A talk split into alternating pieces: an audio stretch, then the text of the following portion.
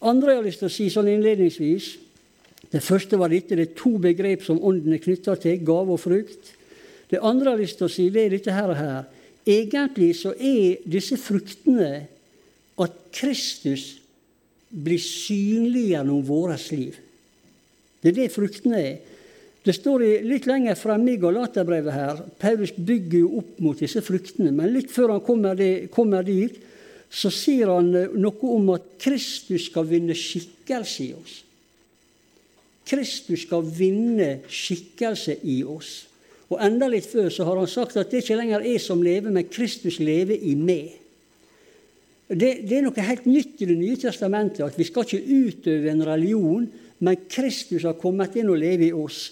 Og fruktene av det, dette som Bibelen kaller for åndens frukt, det er i praksis at Jesus sitt liv blir synlig i vårt liv. Kristus vinner skikkelse i oss. Så kan folk se ting gjennom vårt liv som har med Jesus å gjøre, og så er det en frukt av Den hellige ånd. Åndens frukt er dypest sett Kristus som blir synlig og vinner skikkelse i vårt liv. Og I Romerne 8 så sier han at det, vi skal likedannes med Kristus. Altså Det gjør Jesus mer synlig i vårt liv. Og det hører igjen at det er en prosess. Likedannes. Danning tar litt tid. Og noe som skal vinne skikkelse, tar også litt tid. Så disse to begrepene, gavefrukt, det skiller seg i det det ene er kraft, mens det andre er mer åpenbaring av Jesus i livet vårt. Så, så, disse fruktene som jeg skal komme litt inn på etter hvert, det er egentlig Jesus som blir synlig i vårt liv. Der skulle dere sagt halleluja, men nå sa jeg det, så er det gjort i dag òg. Og det tredje jeg har lyst til å si sånn innledningsvis, det er at det, når du leste disse eller hørte disse her opplest, så kanskje du la merke til at åndens frukt er ikke gjerninger. Det er karaktertrekk. Har du tenkt på det? Åndens frukt er ikke gjerninger og handlinger, det er karaktertrekk som blir synlige i vårt liv ettersom Jesus vinner skikkelse i oss. Kjødets gjerninger, som man går gjennom like før her, det er gjerninger. Det er umoral, og det er drikk og svir og en masse ting. Det er kjødets gjerninger. Men åndens frukter er Jesus sin karakter som kommer til syne i vårt liv. F.eks. fred, som er nevnt som en av disse fruktene. Fred er ikke en gjerning. Kjærlighet er ikke en gjerning.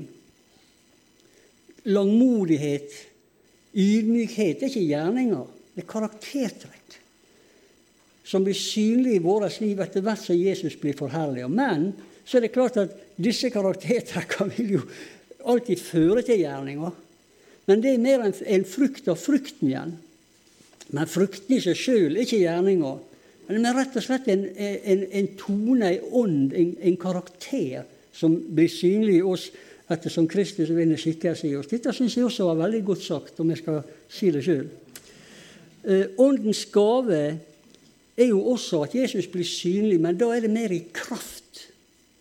Mens fruktene er Jesus sin milde karakter som blir synlig i vårt liv. Det var innledning. Og så sa, leste vi i Johannes her at Faderen blir herliggjort ved at vi bærer mye frukt. Hvordan er det mulig å bære mye frukt, og faktisk også bære mer frukt? For jo mer frukt vi bærer av Jesus' sin karakter, jo mer synlig blir han, jo større blir Faderen æra. Så hvordan kan vi blir så prega av Jesus at folk faktisk ser Jesus i oss. Ikke fysisk, men de merker at det er noe. Jo, det er nemlig sånn at det, vi tar preg av den vi er sammen med. Er du enig i det? Vi tar preg av den vi er sammen med. Og jo mer vi er sammen med Jesus, jo mer preg tar vi av Jesus. Jeg skal bruke et eksempel. da. Vi få bruke han Reidar som et eksempel her, siden han leder møtet. Det er greit, Reidar? Spør om lov også. La, la vi bare ta, ta, et tenkt eksempel. La vi si at eh, jeg og han, eh, Reidar vi, eh, vi, treffes ute i, ut i en, en, fin lørdags, sommerlørdag ute på Prostata Avenue. Dere vet hvor det er. Det er denne gata på Indre Havn der som rekebåtene og alle pensjonistene går og løser verdensproblem. Det er Prostata Avenue. Det kalles det på folkemunne i byen. Så der møtes vi. og da Ikke noe henspilling til noe på oss to, da selvfølgelig, men la vi si at vi møtes der da. En fin sommerdag. og så har vi fått oss en softis på stuen, og så setter vi oss på en benk der og prater, jeg og Reidar. Og så sier han Reidar til meg så du i KS nå, på forrige KS, det vekkelse i Berlin? Nei, det har jeg ikke sett. 50 frelst på bare en måned i Berlin. Det er ikke en tenkt situasjon, bare bruk et bilde. 50 frelst på en måned i Berlin. Det sto i Korsets seier, sier han. Wow, fantastisk! Jeg kjenner jeg blir oppglødd. Så går det et kvarter, og så skilles vi. Og så kommer jeg hjem til Birgit. Så sier vet du hva Reidar sa i dag? Nei. Vekkelse i Berlin. 50 stykker frelst på en måned i Berlin. Er det sant, sier hun. Halleluja. Så blir det her bønnestund i hun bare pga. det. Og hun blir oppglødd. Og så når kvelden kommer, så ringer hun Anders i Bergen og så sier hun, vet du hva han Reidar sa til han pappa i dag? Nei, vekkelse i Berlin. Er det sant? 50 frelst på en måned? Wow, fantastisk. Og før han og Siren sovner på kvelden, så sier han til Siren Vet du hva mamma sa i dag? Nei, vekkelse i Berlin. Er det vekkelse i Berlin? 50 frelst på en måned, sa hun. Reidar hadde sagt det. Er det sant? Halleluja! Så ligger dem og priser Gud. Neste dag så går de på jobb. De jobber på en kristen folkehøyskole utenfor Bergen. Så sier han til klassen sin vet dere hva? Det er vekkelse i Berlin. Er det vekkelse i Berlin? Ja, 50 har blitt frelst bare siste måneden. Oh, wow, alle sammen blir glad. Og han, Reid, og Christian Anders han tar det på lærerværelset i langfri. Vet dere at det er vekkelse i Berlin? 50 stykker er frelst bare på en måned. Er det sant? Det har ikke de hørt. Og hvor det da vandrer videre, det er jo ingen som vet. Men alt det begynte bare fordi jeg var sammen med han Reidar i 15 minutter og spiste softis. 15 minutter så fikk jeg et sånt preg av det han ga meg, at det spredte og spredte og spredte. og spredte. Sånn er det når vi er sammen med Jesus. Enten du er sammen med han i ordet Ordet, jo, ordet bobler jo av liv hele tida. Eller du er sammen med han i bønnen. Eller du bare, Vi vandrer jo med Jesus hele tida, og du får innspill fra Ånden stadig vekk på ting du skal eller du skal si. Men all denne vandringa vi gjør med Jesus, setter et Jesus-preg på oss. Jeg holdt på å si enten vi vil eller ikke. Det bare blir sånn fordi vi preges av Jesus. Og så vinner han skikkelse i oss. Så blir hans karaktertrekk synlig i vårt liv. Og det er disse fruktene som jeg skal snakke litt om videre fremover nå. da. Men dette er bare sånn innledningsvis for å gi et lite inntrykk av hva disse fruktene er for noe. For det er viktig, det er viktig å forstå at kristendom er ikke et selvforbedringsprogram der vi skal gå gjennom punkt 1, punkt 2, punkt 3, og så skal vi ta oss sammen og få til sånn og sånn. Selvfølgelig skal vi ta oss sammen. Alle mennesker tar seg sammen. Det er ikke ubibelsk å ta seg sammen. Hvis det er behov for det, så må vi ta oss sammen. Men det er ikke det åndens frukt er for noe. Åndens frukt er at Jesus vinner skikkelse i oss helt naturlig fordi vi lever i Den hellige ånd og vi lever med Jesus. Så det er ikke et, et trinn for trinn-program for forbedring, men det er et liv som kommer innenifra og som setter preg sånn i det ytre. Så kristendom er ikke et selvforbedringsprogram. Kristendom er et nytt liv. Kristendom er en ny herre. Det er en ny dominant i livet vårt som gjør at andre ting viker, og så blir han synlig gjennom at han vinner skikkelse i våre liv. Og jeg sier det igjen halleluja. Det var godt sagt. Innenifra er hele stikkordet her. Det er et liv innenifra. Jeg vet at jeg har nevnt det tidligere, men jeg kommer aldri til å glemme Jon på Ødegård for sikkert 30 år siden. Når jeg kom inn der og jeg skulle gi han noe eller hente noe. Jeg kan ikke huske det. Han satt og retta opp en skjerm. Og så han, begynte han å forklare meg, og det var jo en bibeltime, selvfølgelig, hvordan han eh, må alltid begynne innifra, sa han. Alltid begynne innifra. Og Så viste han meg noen verktøy han hadde. Jeg ble jo veldig imponert. for Jeg har ikke sett maken. Jeg har aldri sittet sammen med en biloppretter før. Men han hadde noen spesialverktøy som han hadde lagd sjøl. Og så viste han meg hvordan han satt med denne skjermen og dunka forsiktig innenifra. Og vær forsiktig, sa han. Ikke det. Den innenifra. Og det ble en bibeltime for meg. Jeg har aldri glemt det, altså. Og det handler om det nye livet, som alltid begynner innenfra. Så viste han meg en annen skjerm som var, var sånn eh, sparkler, det det heter. Og så hadde han en knallrød en da, som var helt ferdig. Det var jo så fantastisk elegant. Det var så flott. Helt nydelig. Sånn blir det sånn utvendig, men må begynne innenfra. Vær forsiktig. Og det ble en bibeltime. Men sånn er det også med åndens frukt. Det kommer ut i livet vårt hvis vi får lov til å begynne innenfra. Og det har med Jesuslivet i oss å gjøre. Og det er veldig viktig, tror jeg, at vi er bevisst på at åndens frukt er noe som kommer innenfra. Jeg sier ikke at vi ikke skal ta oss sammen. Det er helt riktig å ta oss sammen. og Vi må konsentrere oss og ha fokus på ting. Men åndens frukt er et resultat av at vi er sammen med Jesus, og det kommer innenfra. Åndens frukt glede, f.eks. Det, det er jo flere sånne frukter her. Og kjærlighet. Alt dette kommer fra innsida. Og denne her freden, f.eks., eller gleden, den kan du ha i livet ditt selv om du er veldig nede. Altså, Jeg har jo merka også i mitt etter hvert nokså lange liv nå at det svinger. ikke sant? Du har gode og du har dårlige dager. og Sånn er livet, da, til og med onde dager. Men det er noe inne der som ikke blir borte likevel. Og Det er noe du ikke kan produsere, men det er en frukt av at Jesus er der inne. Av kjærlighet, glede, fred osv. Og, så og det ligger i dypet av ditt eget menneske. Eh, jeg husker å bruke et bilde på det også. Jeg husker når jeg var pastor i Telemark. Så fortalte de meg om en Han var død da når jeg kom dit. var død like før. Han var en gammel mann da. Men han, han var forstander lenger vest i Telemark. Og han var egentlig evangelist, og ikke forstander. Men det var jo sånn i, en periode at evangelister kunne jo ikke leve av det, for det var lave honorar, og du måtte jo ha en bråte møte for å ha noenlunde inntekt. Så noen evangelister ble forstandere rett og slett for å ha en tjeneste å leve av. Og du vet at det når du er, når du er evangelist og blir forstander Evangelister har gjerne litt snevrere forkynnerområde. Mens en forstander har litt mer en sånn bredde i forkynnelsen sin. Og han karen her, da, hans store tema, det var glede. Så han elska å preke om glede. Han hadde veldig glede i seg også. Og eh, En søndag da, så var det en i menigheten som sa til han at eh, nå har du prekt om glede syv søndager på rad. sa han.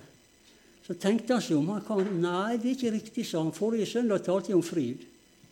Det er liksom ikke helt det samme. Det var en viss variasjon, da hadde talt om fryd. Men poenget er dette, da. Når han ble gammel, så måtte han amputere en fot. Og Da ble han lagt på sykehuset. Og Da kom det en annen kar i menigheten opp til han på sykehuset. og, og når han hadde fjerna ene foten, så sier han til han, jeg syntes det var veldig leit og synd, synd i han. Da sa han sier, nå er, det vel, nå er det vel slutt på gleden, sa han. Å nei, sa han gubben, den satt ikke i foten.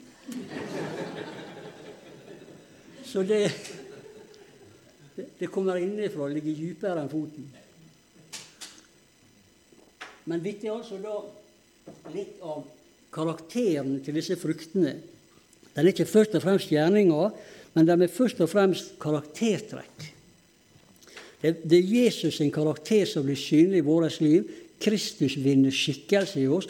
Vi likedannes med Kristus. På en måte så kan du si at dette ligger nært opp til helliggjørelsen også, egentlig. Men det er skille mellom dem òg. Men frukten er jo også en, en synlig konsekvens av helliggjørelse. Det var litt innledningsvis. Da har jeg lyst til å, å komme til en av disse frukt, fruktene i dag. Ikke frykte, men frukter. Og da, da leste vi her eh, i 22, 522 Åndens frukt er kjærlighet, glede, fred, overbærenhet, vennlighet, godhet, trofasthet, ydmykhet eh, og selvbeherskelse. Eh, noen av disse ordene er nyoversatt. Dette er jo 2011-bibelen.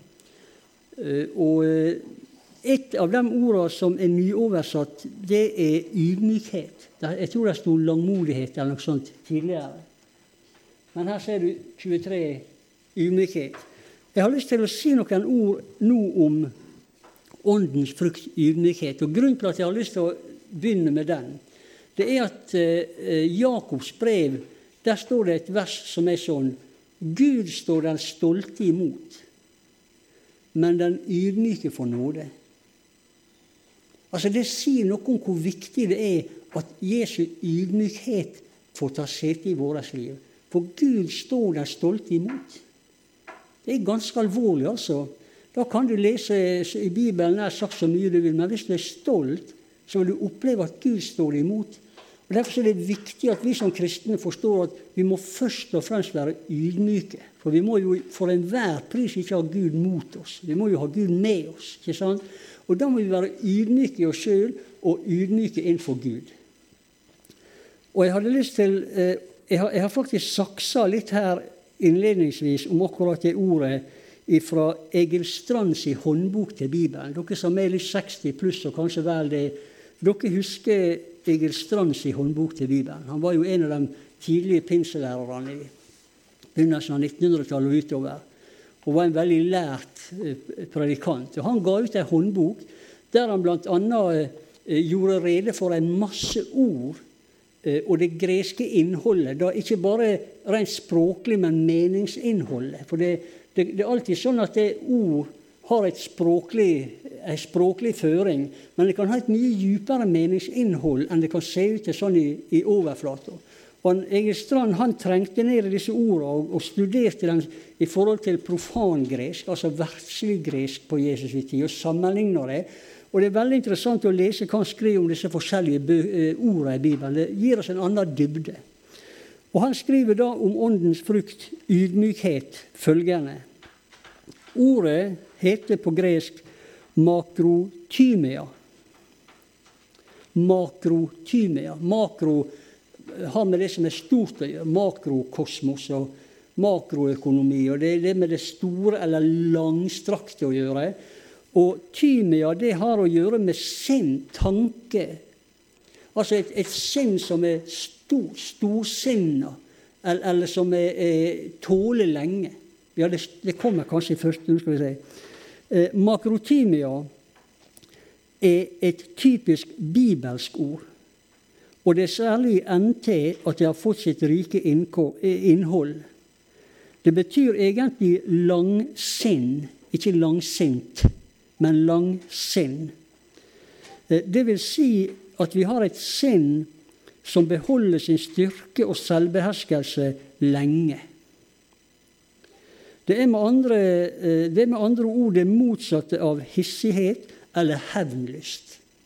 Jeg vet, du, jeg vet, ikke om du, har lagt merke til skal ikke henge ut andre religioner. Vi skal snakke vel om alle folks gudsdyrkelse. Det ser vi, ser vi i, når Paulus var på, på høyden der, og, og eh, hva det heter disse høydene Europagus, så ser du at han var jo rysta av den forferdelige gudsdyrkelsen de hadde. Men han roste dem fordi de var ivrige. Han fant noe positivt. Så vi skal ikke si noe nedsettende om andre sin gudsdyrkelse, men vi skal komme inn med evangeliet. Men jeg har jo lagt merke til at i disse her eh, fundamentalistiske islamske eller eller hinduistiske, militante hinduistiske kretsene, så er det hevn, hevn, hevn, hevn. hevn. De skriker på hevn. Det er det første de roper på. Det er hevn, hevn, hevn. Mens jeg har sett, eh, jeg har sett eh, på film og på nyheter siste kanskje ti åra, har jeg sett noen ganger at pastor har blitt drept i, i, i disse landene hvor sånt skjer. Og så kommer enkene på, på, på, nyhetene, og så sier den ene etter den andre 'Men jeg tilgir dem'. Altså, De skriker ikke på hevn, men de sier ofte uoppfordra også 'Men jeg tilgir dem'. Det er en frukt av Den hellige ånd. For når mannen din ligger skutt på trappa, og du har tre små jenter som skriker og hyler, og det går noen dager de får roe seg ned, og så sier de på nyhetene 'Men vi tilgir'. Altså, Det gjør ikke du av deg sjøl, altså. Men det er en frukt av Den hellige ånd. Og dette er makrotymia. Det, det skrikes ikke på hevn. Det står i, i motsatt fortegn til hevn og hevnlyst. Men det betyr tvert imot å være tålmodig og bære over mot andre. Hør på dette selv om det står i ens makt å gjøre gjengjeld. Det er fint, altså. Selv om det står i din makt å si noe som setter det på toppen, så lar du være fordi du er ydmyk. Det er fantastisk frukt av Jesus. Og eh, Grunnen til at ordet sjelden forekommer i profangresk, det er at grekerne, for grekerne var en slik ydmykhet, ydmykhet som ikke hevnet seg, ingen god dyd. Derfor finner du det lite i profan gresk litteratur. Man skulle ikke være ydmyk. Man skulle ta hevn. Men det står om Jesus, vet du, han som ikke hevna seg. Han som ikke tok igjen. Han som bar over. Og det er dette sinnet som kommer til syne i, i våre sinn når Kristus vinner skikkelse i, i oss. Og, og, jeg har lagt merke til, Vi hadde jo mye muslimer, hadde mye med dem å gjøre i Volda. De blir veldig betatt av, din, av dette karaktertrekket til Jesus. Han som ikke hevner seg, han som ikke tok igjen, han som ikke gjorde vondt tilbake. Det blir de veldig opptatt av. Fordi at disse muslimene som kommer til Norge, de er veldig ofte eh, fed up av, av fundamentalistisk islam. De har jo flykta ofte fra andre muslimer, og de har islam ofte i halsen, sier de til meg. Men disse særtrekkene med Jesus, at han var ydmyk, det greier de ikke å forstå. Men de blir veldig betatt og dratt til det. Hva er det med denne mannen, da? Dette er ikke de vant til. Og når dette blir synlig i vårt liv, så blir de også grepet av noe. Vi tenker ikke så mye på det, for vi, vi som går i kristne menigheter, vi er snille med hverandre. Altså, vi, er, vi har kjærlighet, vi har vennlighet, vi har fred. Vi, er, vi, vi opphisser ikke oss over hverandre. Så vi vasser sånn i disse, eh, disse karakterene at vi legger knapt merke til det. Jeg, jeg, jeg at folk kan komme og si til den enkelte bare så, det er så lite kjærlighet i denne menigheten her. Men jeg skal si det, send dem til et annet land. Og La dem få oppleve hva det vil si at det er lite kjærlighet. Så kommer de tilbake og så sier de, det er så mye kjærlighet i denne menigheten her. For ofte så er det når folk sier at det er så lite kjærlighet i denne menigheten, her, så har de som regel et problem med seg sjøl. Det er faktisk sant. altså. For vi vasser i så mye godt at vi ser det knapt. Vi må bare si det. Men eh, Jeg vet ikke om det er en fordel eller ulempe, men sånn er det iallfall. Åndens frukt er mye mer synlig i menigheten enn vi tenker over, fordi vi går sånn i det. Men i profan gresk da, så var, var, dette her ikke en dyd. Ydmykhet var heller sett på som noe veikt, noe svakt. Og Det skal du bare legge merke til, at i Guds rike og i verdens rike så er ofte verdiene diametralt motsatte. Og Det som er vår fare, er at vi snapper verdier fra verden istedenfor fra Bibelen og fra samfunnet med Jesus. For hans karakter finner du her i, i 522. Det er dette som skal gjøre Jesus synlig i, i verden. Forutsetninga for ydmykhet i Det nye testamentet er at en har samfunn med Gud. Og en får en sjelsstyrke som gjør en uselvisk og gir seier over de primitive instinkter. Er sterkt, altså. Igjen ser du det er noe som kommer innenfra. Det har å gjøre med et samfunn med en annen å gjøre.